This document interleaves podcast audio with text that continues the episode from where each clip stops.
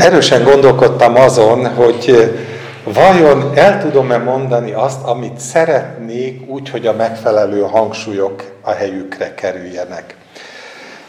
Egyrészt általában félek elméleti lenni, mert az fárasztó, másrészt pedig ugyanakkor azt is tudom, hogy annyira jól nyomon követhetők a Bibliában egyes folyamatok, hogy kár lenne kihagyni és nem beszélni róla. Ami foglalkoztatott, az egy olyan témakör, amit most már hetek óta, ha nem hónapok óta boncolgatunk a Biblia körön, csütörtökönként. Lukács evangéliumot vesszük meglehetősen lassan, de nagyon tanúságosan. 9. részénél tartunk Lukács evangéliumának. Ez az a szakasz, amit mostanában vettünk, amikor Jézus fölmegy a megdicsőlés hegyére, elváltozik, utána lejön, a tanítványokkal együtt ott találják az epilepsziás fiút, nem, nem tudják meggyógyítani, és nagyjából itt fejeztük be a történetet.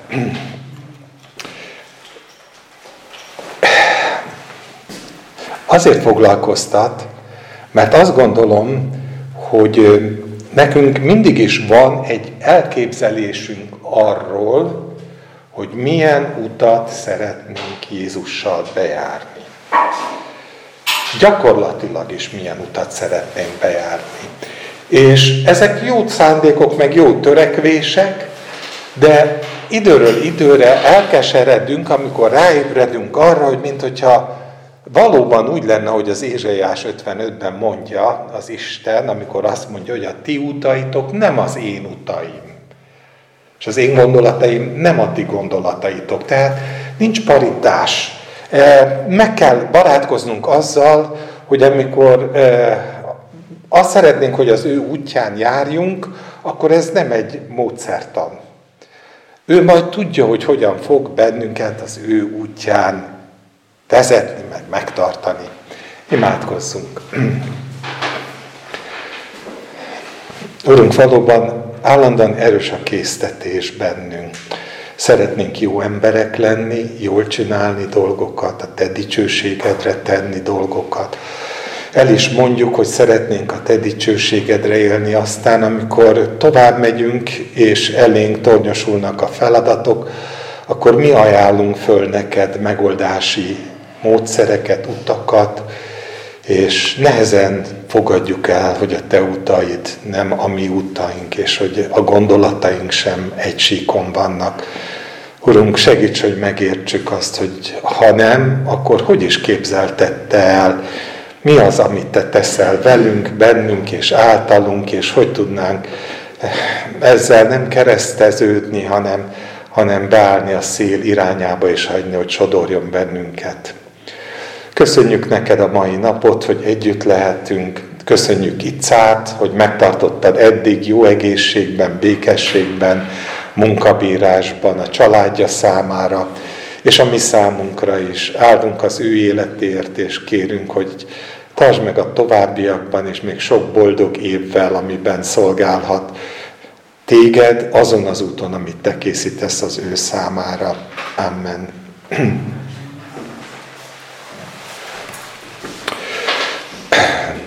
Néhány mondatban hagyj vázoljam föl, hogy miről is van szó.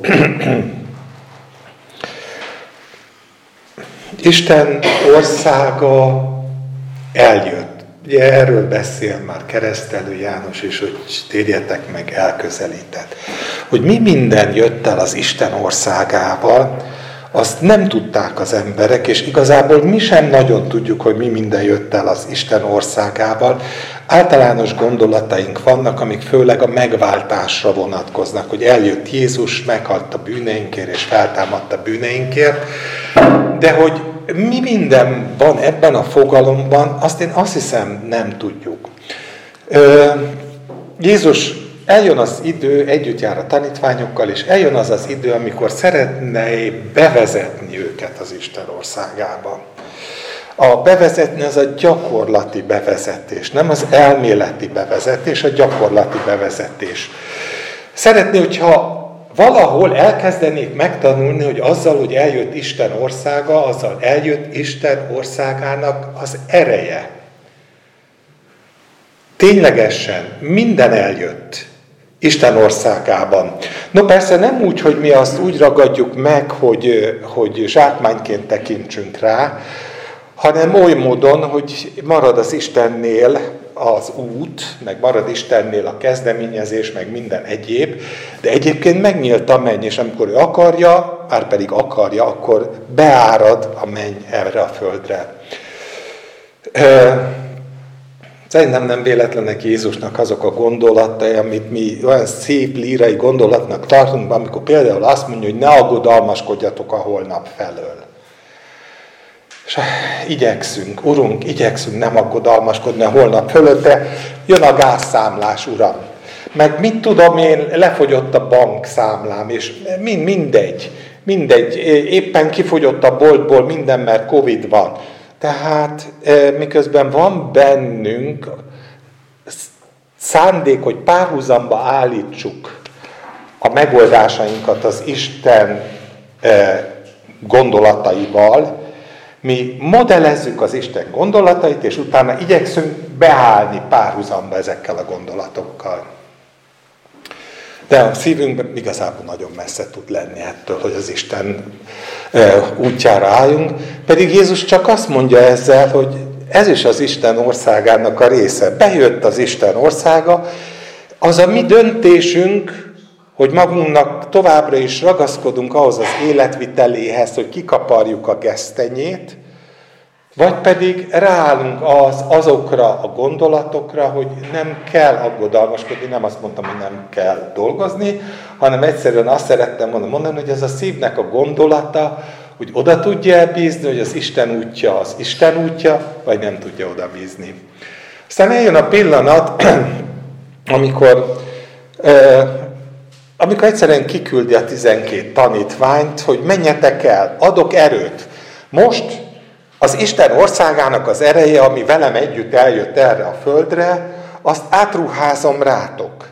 És menjetek el, és hirdessétek az evangéliumot, az örömüzenetet, és gyógyítsátok a betegeket, és minden, minden ami az erő önnek a része, az, az a tietek.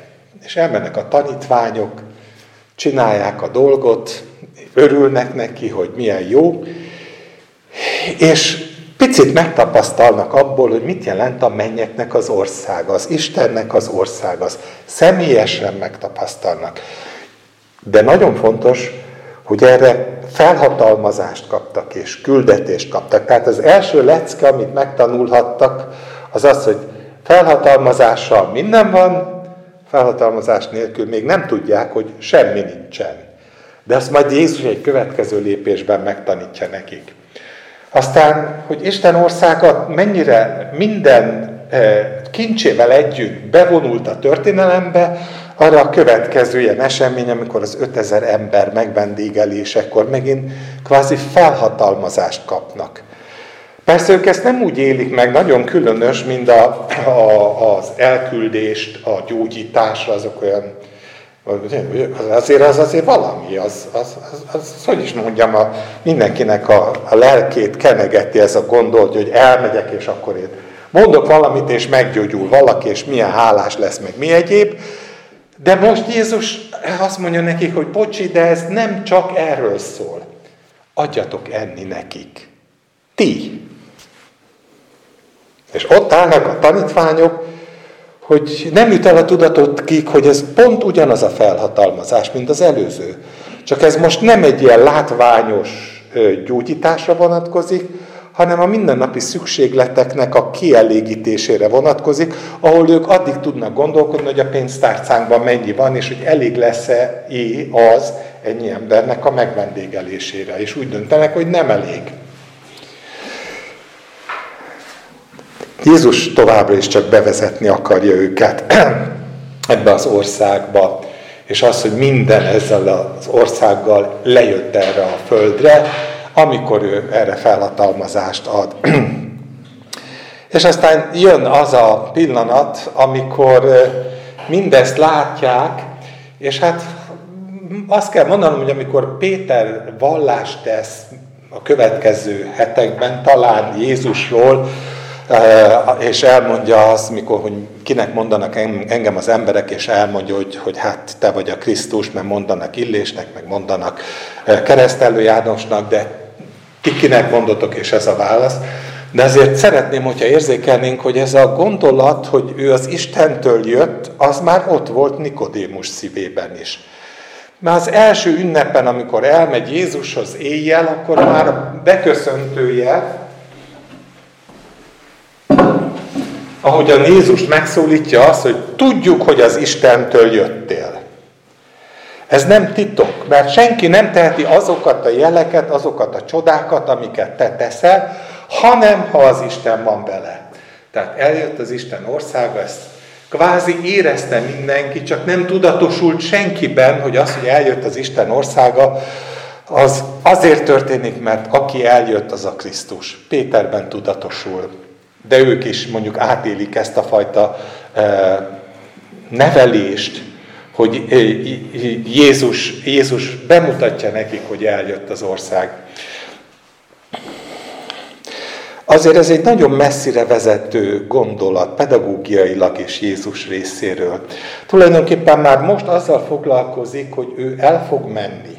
Ha ezek az emberek nem hangolódnak rá, hogy itt van az Isten országa, hanem továbbra is az ő monoton, megszokott rutin eh, megoldási képleteiket alkalmazzák, akkor Isten országa nem tudja mobilizálni az övéit. Remélem nem bonyolult, amit mondok. Tehát ez egy végtelen természetes dolog, és Jézus egészen hamar elkezdi őket ilyen irányban e, mozgatni, hogy számoljatok azzal, hogy itt van az Isten országa.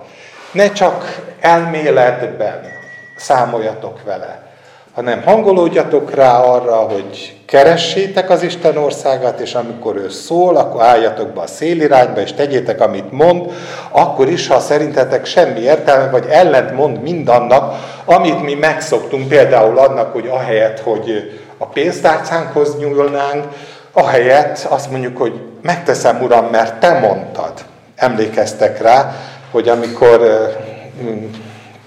mondja a ah, hirtelen akartam mondani, hogy kinek, de azt mondja, hogy mindegy, megteszi, ez a lényeg. És amikor itt tartanak, akkor Jézus tovább viszi őket. És jön ez a megdicsőülés hegye, amikor előtte már mondja, hogy most meg is látjátok az Istennek az országát néhányan. Ez egy fontos dolog, hogy lássátok, hogy nem csak elmélet, gyakorlat is. Fölviszi őket a hegyre, Pétert, Jakabot és Jánost, és megjelenik az Isten országa dicsőségben, Jézus fény fogja körül, és beszél Mózessel és Illéssel a haláláról. Ez egy nagyon jól nyomon követhető, fölfelé ívelő ö, pálya. A kérdés az, hogy mit tanulnak belőle.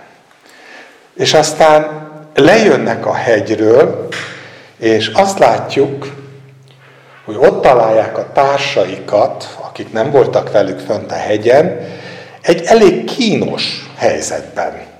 A helyzet kínosságát nyilvánvalóan az okozza, hogy noha azelőtt már elterjedt, hogy ők gyógyítanak, erővel és hatalommal lépnek föl, most itt van, hogy jönnek egy epile, hogy jön egy epilepsziás fiút hozó apa, édesapa, és ők tehetetlenek. Nem tudnak mit kezdeni, nem tudják meggyógyítani. Tehát nem érvényesül a szézámnyi meg e, dolog, hanem, hanem ott vannak, és ott vitatkoznak velük az ott lévő e, sokaság, hogy hát ez, ez valahogy nem, nem működik.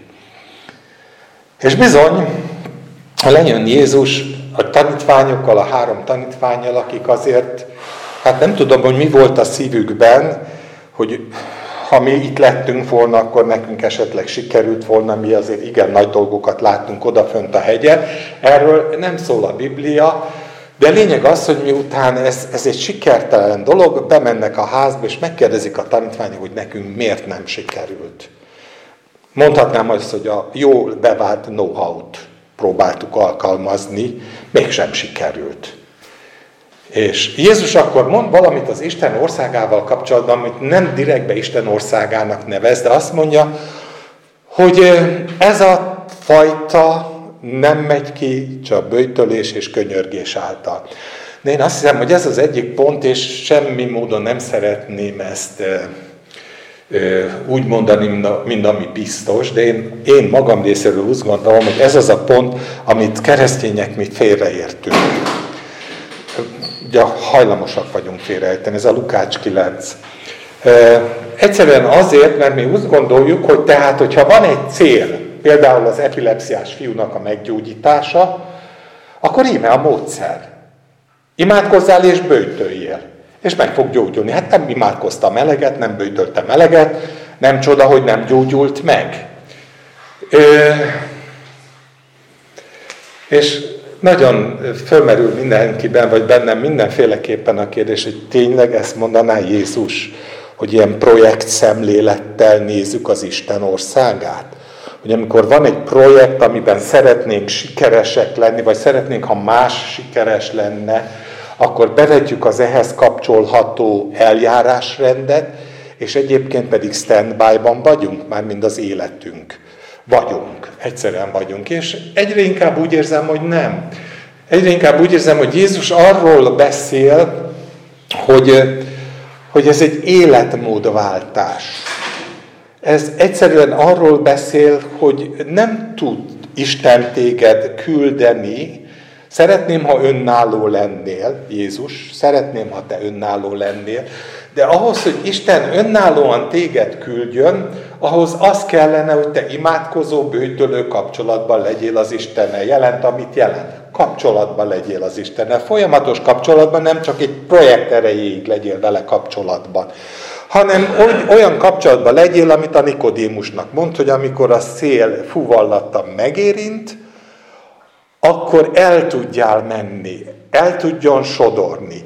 Legyél olyan állapotban, hogy Isten megszólíthasson és előre vihessen, az egy különleges dolog, hogy én mondtam nektek, hogy én odadom az erőmet, és elmehettek hirdetni az evangéliumot és gyógyítani a betegeket. Az egy különleges dolog, hogy én azt mondtam, hogy megetethetitek a sokaságot, mert én ott állok mögöttetek, én adtam rá az utasítást, mindezt azért tettem, hogy rájöjjetek arra, hogy milyen messzire vagytok. Attól, hogy azok, a, azok az Isten országának a jellemzői, amik Isten országába pedig természetesek, azok a élet mindennapjaitoknak a része legyen. A mindennapjaitoknak a része legyen. Az önállóság az mindig olyan mértékben lehet csak önálló az ember, még nem is jó szó az önállóság, amilyen mértékben odafigyelve Istenre el tudja mondani, hogy élek többé nem én, hanem él bennem a Krisztus. Ami nem ez, az én vagyok. Ami pedig én vagyok, az nem kell senkinek, de legalábbis nem lesz hasznos az Isten szolgálatában. Úgyhogy lejöttek a megdicsülés hegyéről, és szembe kellett nézniük azzal, hogy bizony önmagukban nincs erő. Eddig azt hitték, hogy van, hiszen egyszer működött, működni fog legközelebb is, nincs. Akkor lesz, amit Jézus mondott, ha olyan kapcsolatban vagytok az Istennel, hogy ő tudja ezt használni. És így van, a, nagyon egyszerű, ugye, amit ő mondott ezzel a, a ne aggodalmaskodjatok dologgal is. Ha nem vagyok kapcsolatban ővel, akkor bizony aggodalmaskodok. Nem lehet nem aggodalmaskodni. Az aggodalmaskodásom megszűnése az a bizalomnak a kiépülésében történik meg. És ugyanez igaz. És ha arra gondolok, hogy persze mi szívesen, mert nem tudom, hogy szívesen, sokan igen, talán többen nem, vennénk azt, amit ugye a Márk Evangélium végén, a 16. részben elmond Jézus, mint egyfajta hát hogy is mondjam, ilyen, ilyen természetes dolog, hogy akik pedig hisznek, ilyen jelek követik. És elmondja, hogy milyen jelek követik egészen a kígyónak a felemeléséig, hogy nem árt nekik, ha megcsíp, vagy megharapja őket. Szóval olyan dolgokat mond, amik nekünk úgy kívánatosnak tűnnek, és maximum szerintem évezredek alatt lekopott rólunk már a, az, hogy, hogy igényeljük, mert rájöttünk, hogy nem működik. Mert majd nagyon sokan rájöttek, hogy nem működik, mint ahogy most sem működött a tanítványoknak, az epilepsziás fiúnak a meggyógyítása. És hát ez olyan, mint a kísérleteknek a száma. Minél több tehát szerintem egyszerűen az ember belátta azt, hogy nem megy. És nem nagyon gondolta végig, hogy azért nem megy, mert nem vagyunk ilyen kapcsolatban az Istennel. A legpicibb dologban sem vagyunk ilyen természetes kapcsolatban az Istennel, hogy ezek olyan nagyon működnének az életünkben. Sovárgunk utána, vagy vannak, akik sovárognak utána. Nagyon sokan egyáltalán nem sovárognak utána, mert úgy vannak vele, hogy ez a múlt, meg a mi egyéb, meg amúgy is a csodák világa az egy ilyen zavaros, zűrös dolog. Ma annyira visszaéltek vele, hogy nem is, nem is biztos, hogy ez kell. De szeretném hangsúlyozni, hogy nem a csodák az, amire Jézus meg akart őket tanítani, hanem azt, hogy eljött az Istennek országa. És hogy az Isten országának a felszereltsége egészen más, mint a miénk. Az Isten országa tartalékai egészen mások, mint a miénk. Mindent odadott az Isten a Krisztusban, de nem úgy, hogy én bármikor lehívhatom, amikor nekem a úri jókedvem így diktálja, hanem úgy adta oda nekünk a Krisztusban, hogy a Krisztus bennünk él, akkor a Krisztus bennünk lakozásával mindaz, amire szükségünk van, azt Isten szelleme megmutatja. Na jó, eddig megyek, nem tovább, átmegyek a gyakorlatiasabb részre. Mi történik? Azt olvassuk, hogy amíg mindenki azon csodálkozott, amit Jézus tett, tehát meggyógyul az epilepsziás, és amíg mindenki azon csodálkozott, amit Jézus tett, ő azt mondta a tanítványainak, jól jegyezzétek meg, amit most mondok. Az ünnepi pillanatokban. Az emelkedettség pillanatában, a gyógyulás pillanatában, az Isten csodája, az Isten ereje, az Isten országa bevetült a földre. Nagyszerű. Jól jegyezzétek meg. Az emberfiát az emberek kezébe fogják adni, de ők nem értették ezt a beszédet, már mind a tanítványok, mert el volt rejtve előlük, hogy ne értsék meg, és féltek megkérdezni őt a kijelentés felől. Hát meglehetősen ünneprontó. Letör minden örömet, ami ébredt a ott lévőknek a szívébe, megtöri a varást, a hangulatnak a varázsát, és nem tudjuk nem észrevenni azt, hogy Jézusnak ezzel célja van. Egyszer, egyszerűen nem akarja, hogy a tanítványok a csodák fenséges voltán horgonyozzanak le.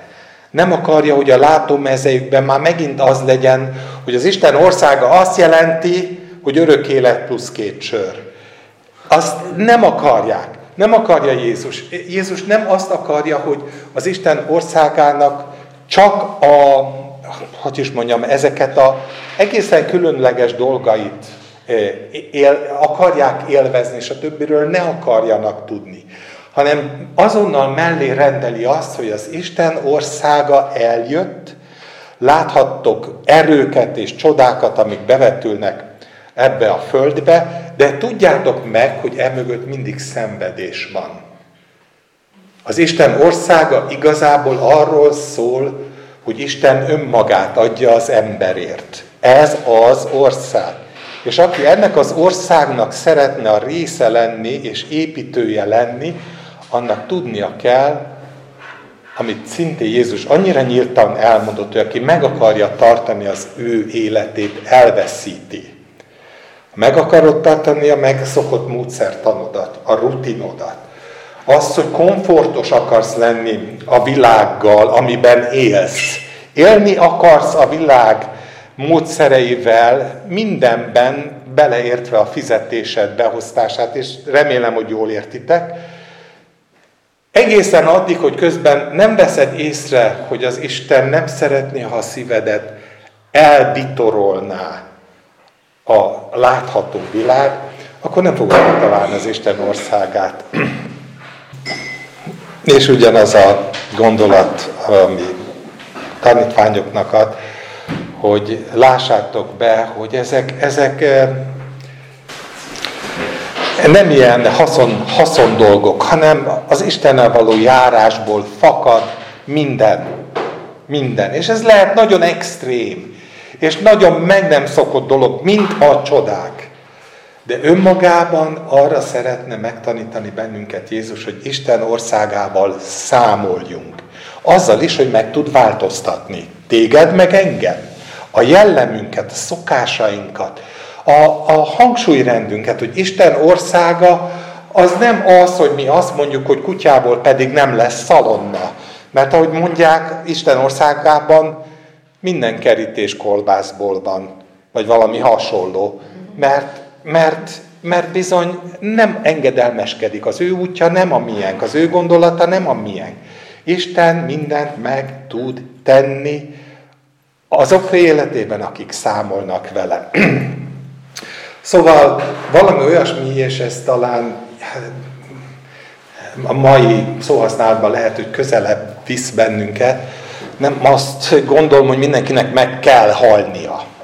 De azt gondolom, hogy az Isten országában élők számára a legtermészetesebb dolog az áldozatvállalás. Ahogyan Jézus áldozat volt, és fölvállalta azt, hogy áldozat, és minden, ami az áldozat, a föl, mi önmagunkat föláldozunk, az életünket odaadjuk az Isten országáért, az bizony része az Isten országának.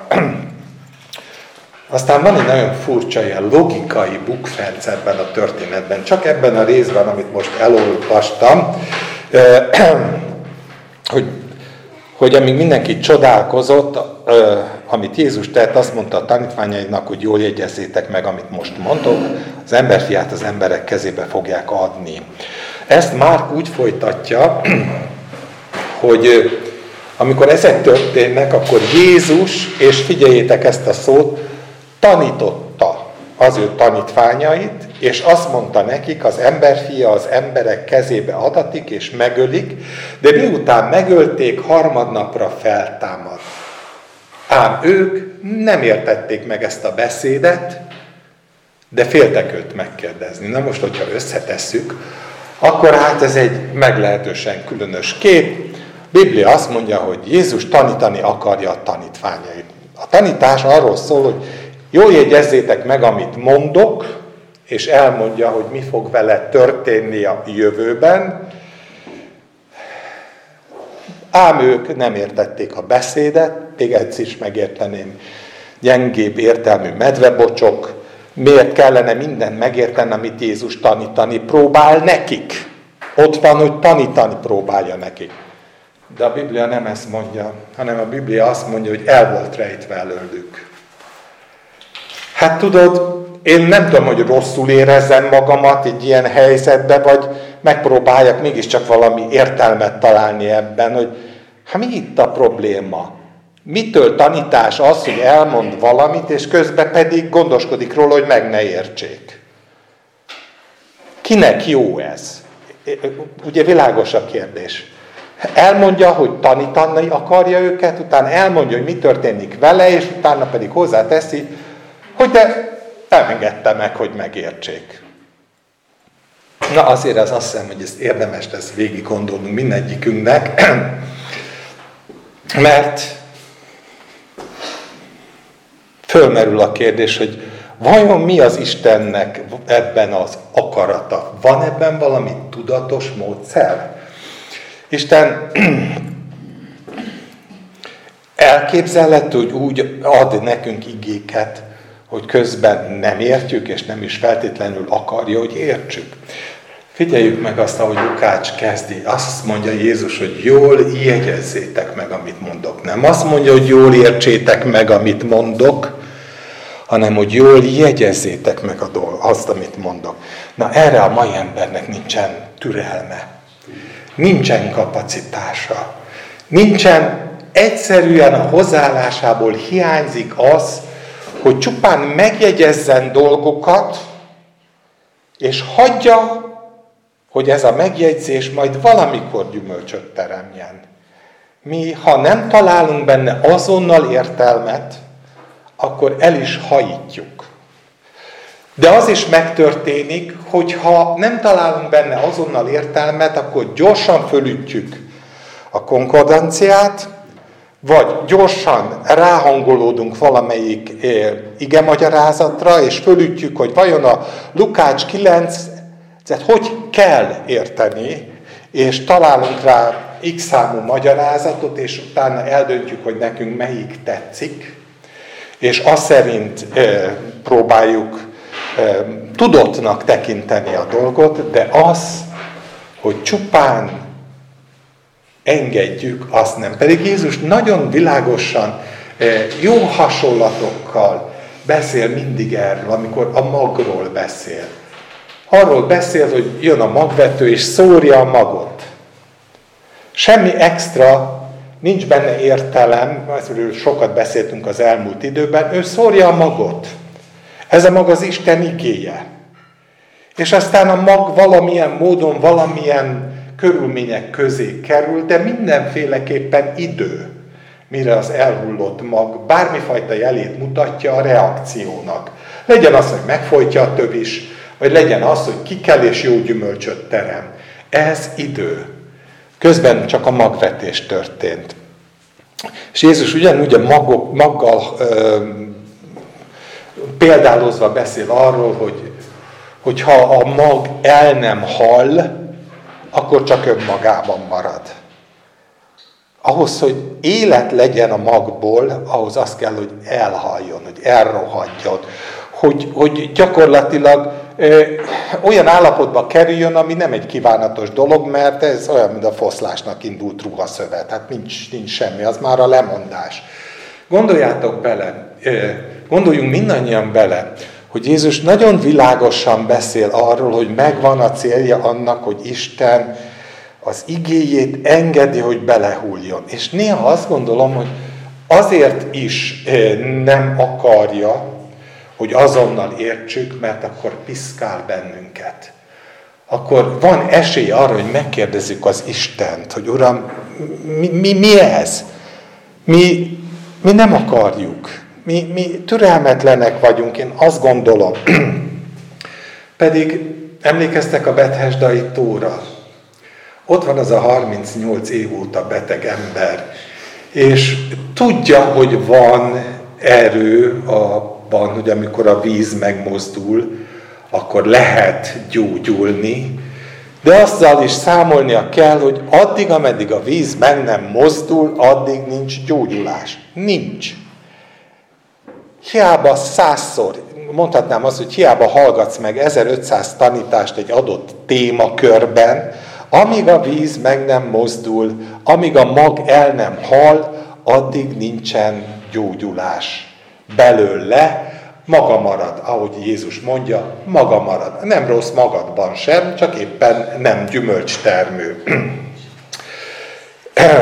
De ha belegondoltok a a tanítványok nagyon sok ilyen, ilyen, ilyen módon fogalmazott mondatokat hangoztatnak Jézus feltámadása után, amikor hirtelen elkezd mindenki világosodni. És visszaemlékeznek, hogy Jézus megbonta. És visszaemlékeznek arra, hogy így volt megírva a profétáknál. Pedig semmi más nem történt, addig nem volt értelme, nem értették. Úgy teltek el az évek, hogy nem értették. De Jézus nem azt kérte, hogy értsék meg, hanem azt kérte, hogy jegyezzék meg. És megjegyezték. És amikor helyére zökkentek az események, akkor meg hirtelen értették. Na én gondolom, hogy ez az, ami, ami e, ma kikerül a világ azzal, hogy olyan mérhetetlen sok értelmezéssel lát el bennünket, hogy már nincsen igazán, vagy mondjam, nagy e, indítékunk arra, hogy hogy hagyjuk ezt. Két ilyen rövid igét hadd tegyek hozzá. Az egyik a Jakab levél. Nagyon szeretem ezt, és többször szoktam idézni. Jakab azt mondja, hogy szelítséggel fogadjátok a béoltatott igét. Megint nem azt mondja, hogy okos, pallérozott értelemmel boncolgassátok az igét, hanem fogadjátok be a beoltott igét, amely megtarthatja a lelketeket. Minőségi különbség. Fogad be. Szeresd az igét. Akkor is, hogyha nem érted. Ne zavarjon, hogy nem érted. Ne akard rögtön föloldani a nemértést azzal, hogy valami pótcselekedettel mégiscsak eléred azt, hogy helyére zökkenjen most azonnal mindaz, amit Isten lehet, hogy csak tíz év múlva akar megvilágosítani a te számodra, de akkor annak gyógyító ereje van. Másik Péter, ő azt mondja, hogy igen, biztos nálunk a profétai beszéd, amelyre jól teszitek, ha figyeltek. Megint nem jól teszitek, ha értelmezitek. Jól teszitek, ha figyeltek, mint sötét helyen világító lámpásra, amíg felvirad a nappal, és a hajnalcsillag felkel a szívetekben. Megint nem rólunk beszél. Megint arról beszélt, hogy van a magvetés, van az feladatunk, hogy jól jegyezd meg, szelítséggel fogad, figyelj rá, mint világító lámpásra a sötét helyen, és majd felvirrad a hajnalcsillag a, a szívetekben. És én azt hiszem, hogy Isten pontosan tudja, hogy mi pont olyanok vagyunk, mint amilyenek a tanítványok. Tehát nincs ezzel semmi baj, hogy, hogy nem értünk dolgokat. Azzal, azzal van sokkal inkább a baj, hogy félünk őt megkérdezni. Ugye ezt írja a tanítványok felül is, hogy féltek őt megkérdezni. Már pedig a félelem az majdnem mindig, szerintem mindig arról tanúskodik, hogy nem bízunk. Félünk értelmetlen dolgok miatt, mert időnként csak azért félünk, mert érzékeljük, hogy nem értjük. Az ő útja nem a mi útunk. De annyira nem a mi útunk az ő útja, hogy föl sem merül bennünk, hogy ezt meg kéne kérdezni tőle, hogy mit cselekedjen most, és mit ne cselekedjen most. Én haladok egy párhuzamos úton, és ez a két út, ez pillanatnyilag nem, nem tűnik a szívem számára ugyanannak, és csak rossz érzés van bennünk, hogy valahol valami nem stimmel, és így aztán nem is kérdezősködünk. Sokszor mondom most, és elmondom azt, hogy olyan különös azt látni, hogy miközben az ige nagyon világosan megfogalmazza, hogy mi történik, nem mond ítéletet. Jézus sem ítéli el őket. Még csak azért sem, hogy félnek megkérdezni. Mert ez is az út része. Úgy értem, hogy ez is az út része, hogy azt próbálja elénk vetíteni az ige, hogy amikor Isten országa eljön el a földre, akkor a mi emberi reakcióink mennyire mások, és ezzel nem kárhoztat, csak egyszerűen jelzi azt, hogy mi is olyanok vagyunk, mint voltak a tanítványunk, de hogy Jézust az sem zavarta, hogy Jézust az sem igazán zavarja meg Isten, hogy mi ilyen, ilyen nagyon nehezen tagozódunk be az Isten országába, attól ő még ugyanezeket a dolgokat megcsinálta.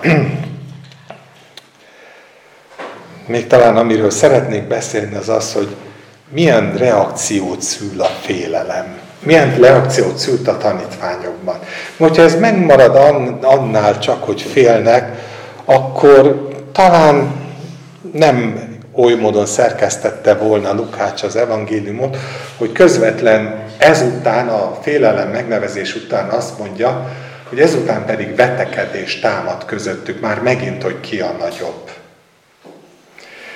És persze gondolhatjuk azt, hogy ezek olyan epizódok, amelyek csak úgy egymás mellett vannak, és, és nincsen közöttük igazi kohézió, de én azt hiszem, hogy ott van a kohézió, mert eh, higgyétek el, hogy nagyon gyakran az, hogy eh, fölmerül az emberekben ez a ki a nagyobb kérdés, az pontosan azért van, mert, mert eh, fél megkérdezni az Istent a dolgokról. Gondoljatok bele. Lejön a hegyről három tanítvány. Ők a dicsőségben fürödtek. Lent maradt kilenc tanítvány, akik a kudarcban nem fürödtek, hanem dagonyáztak, nem tudom. Ott van. Utána Jézus jön, megoldja a helyzetet, és bizony ott marad a kilenc ember azzal a szorongással, hogy valamit nem jól csináltunk. A három embernek nem kell, hogy ilyen szorongása legyen, mert ő nem volt jelen, tehát nem derült ki, hogy ők vajon jobban csinálták volna-e, csak annyi történt, hogy ők üdvözült mosolyjal lejöttek, a másik kilenc az pedig ott maradt a meghiúsult álmokkal. No hogy ilyenkor, amikor utána Jézus csinálja, amit csinál, és utána elmondja ezeket a különös gondolatokat arról, hogy mi lesz az ő sorsa, akkor hát ezek is értelmet keresnének benne. Én most nem azt mondom, hogy mi ott volt, hanem ami nekem adatik a szívembe ezekről, hogy mi milyenek vagyunk most is. Már más nem történik, mint hogy ilyenek vagyunk. És bizony ez igen hamar bevetíti azt a, a feszültséget, hogy figyelj János, hát te most jöttél le, figyelj Péter, ott volt Mózes meg az illés, és pont erről beszélgettetek, amit most itt Jézus mondott, hogy az ember fiának kell sokat szenvednie. Hát itt mondott, hogy kell ezt nekünk értenünk a mostani eseményeknek a fényében. Nem tudom, János Péter Jakab mit mondott, de azt tudom, hogy ez egy ilyen alapszituáció, amivel mindenki küzd, hogy hát te vagy a főnöknek a bizalmasa, hát mond, már el. És aki a főnök bizalmasa, az bizony könnyen éli meg úgy, hogy igen, én vagyok a főnöknek a bizalmasa, úgyhogy hát majd elmondom nektek ne, nem modellezem, vagy nem mondom el. Vagy titokzatos vagyok, hogy még inkább úgy tűnjön, hogy én vagyok a főnöknek a bizalmasa. Minden esetre jól bele tudja ezt pillanatok alatt vetíteni, azt a feszültséget, amit a Biblia itt egyszerűen úgy fogalmaz meg, hogy vetekedést támad ők közöttük, hogy melyikük a nagyobb. Nem tudom ti, hogy élitek ezt meg.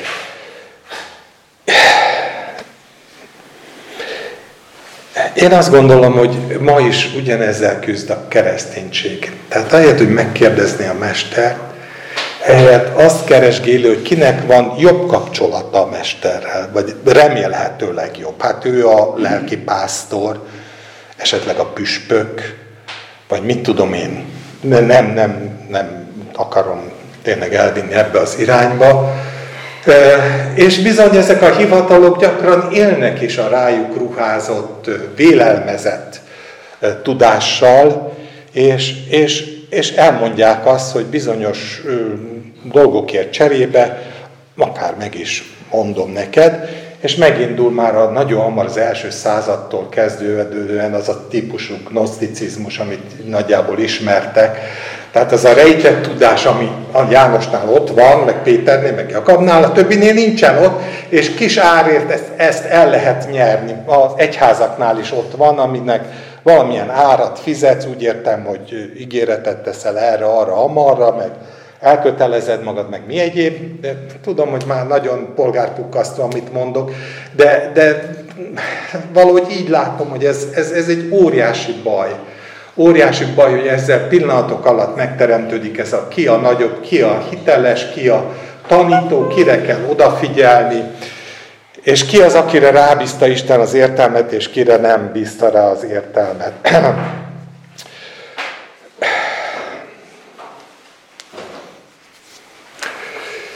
És tudom, hogy az áll mögött, hogy szeretnénk jól értelmezni, és szeretnénk minél hamarabb értelmezni. Hadd emlékeztessem magunkat a Szerecsen Komornyik példájára, a járatlan úton, tudjátok, Jeruzsálemben van, megy hazafelé. Ismerjük a történetet, ismerjük azt, hogy megint ott van a szél törvénye, hogy Isten lelke indítja a Filepet, és az csatlakozik hozzá járatlan úton, ő éppen az Ézsaiás könyvét olvassa, és megkérdezi tőle, hogy érted-e, és mondja, hogy nem érti, és akkor megtörténik, hogy megmagyarázza, és aztán utána megkereszteli. És ez így jó. Ennek ezt az üzenetét mindannyian értjük, de vajon gondolkodtunk azon, hogy a Szerecsen komornyék az egy élő példa arra, hogy lehet jól megigyezni az igét, hogy lehet türelmesen várni, amíg a hajnalcsillag fölkél a szívben, hogy nem azzal a tudattal járja, hogy évekig, vagy ki tudja mennyi ideig a jeruzsálemi zarándok utat Etiópiától egészen addig, hogy valaki azonnal megmagyarázza, és minden a helyére fog zökkenni, hanem hanem ő számol az időfaktorral. Majd Isten.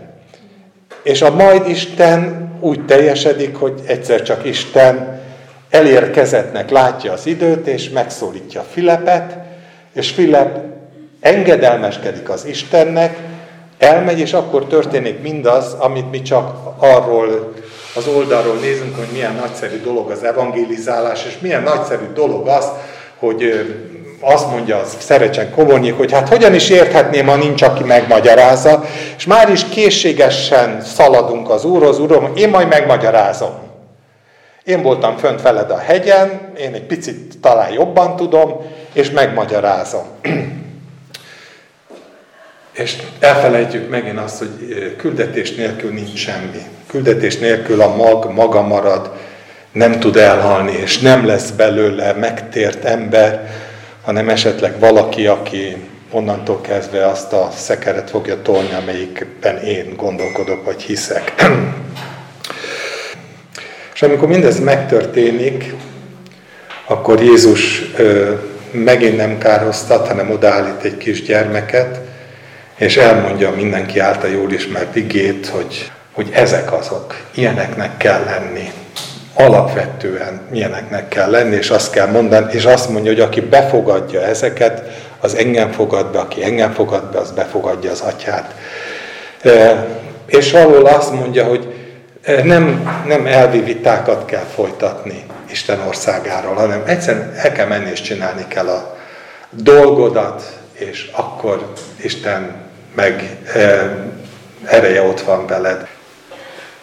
És ezen a ponton a tanítványoknak hirtelen eszükbe jut valami, hogy de hát azért nekünk voltak elveink, és, és fölvetik azt, hogy de uram, mi megtiltottuk azokat, akik a te nevedben ördögöt tűznek. Tiszta elviok. Nem járnak velünk. Persze, hogy megtiltottuk őket. Jól tettük? És Jézus azt mondja, hogy nem. És megint azt jelző, hogy mennyire más az Isten útja, mint a mi útunk, azt mondja, hogy mert aki nincs ellenünk, az velünk van.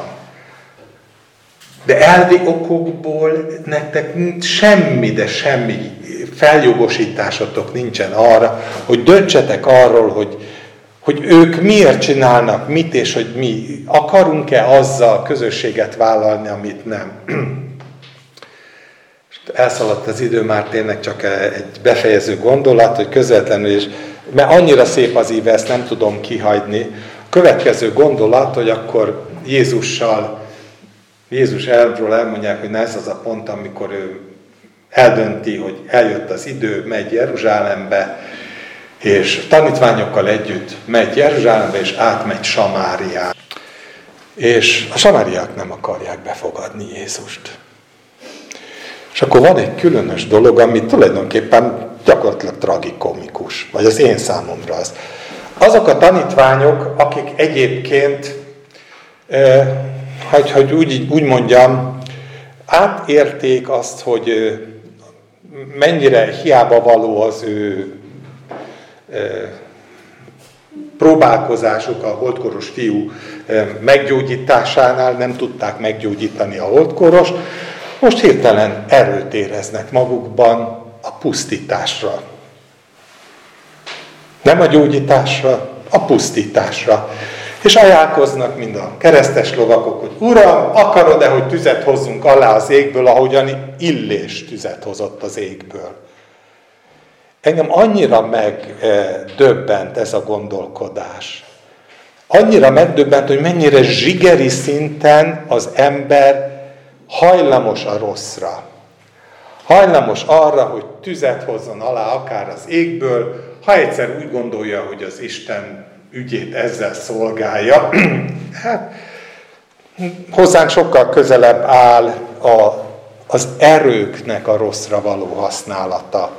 És megint arról beszélek, hogy ugye, oké, okay, ez Isten országa eljött. Isten országának az ereje hozzáférhetővé lett az ember számára, de az ember, az elbukott ember, még a jó tanítványok is zsigeri szinten hamarabb élnének azzal, hogy, hogy rosszat tesznek ezzel, mint sem, hogy jót tegyen, tudnának vele tenni. Erre éreznek kapacitást.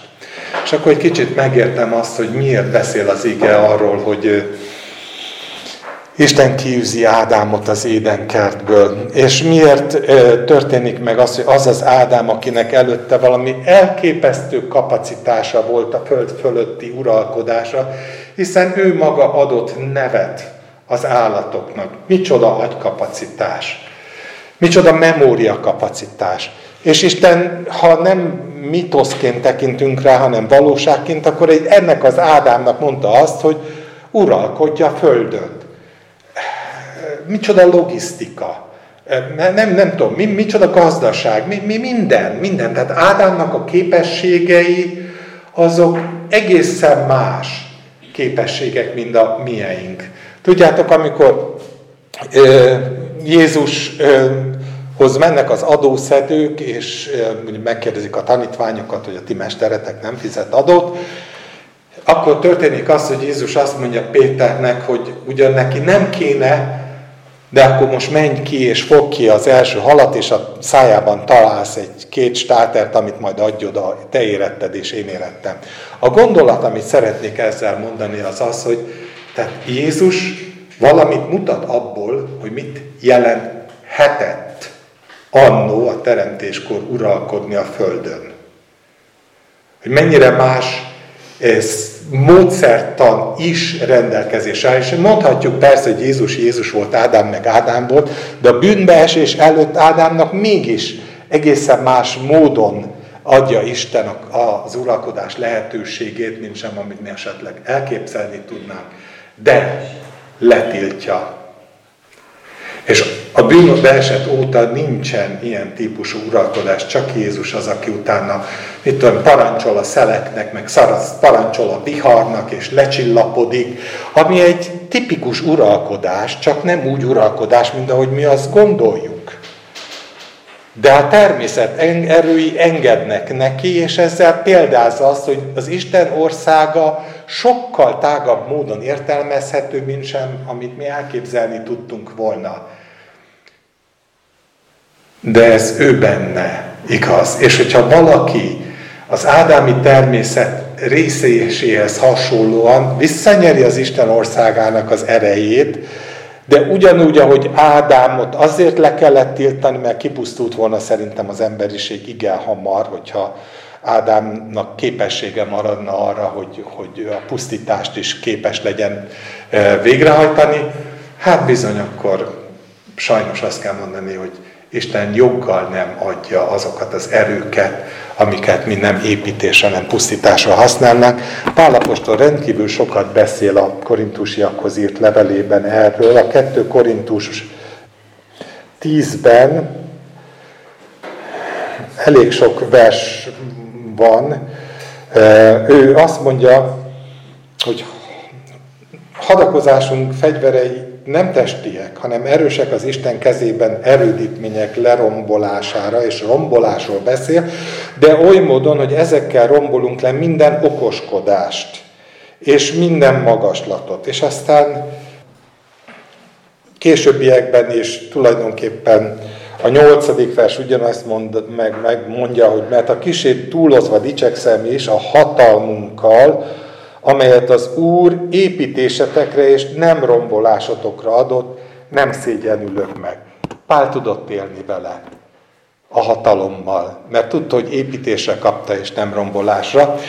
És tényleg csak azt szeretném így, most már tényleg befejezve kívánni, hogy Isten segítsen mindannyiunkat, nem abban, hogy ne ismerjük meg az Isten országának az erejét, hanem hogy megismerjük, hogy legyen türelmünk, hogy ez az ismeret ne egy gyors ismeret felpuffasztás legyen, hanem hogy a mag elhalljon, kikeljen, gyümölcsöt teremjen, és legyen az bármi, Isten tudjon bennünket használni ennek az országnak a szolgálatában. Imádkozzunk!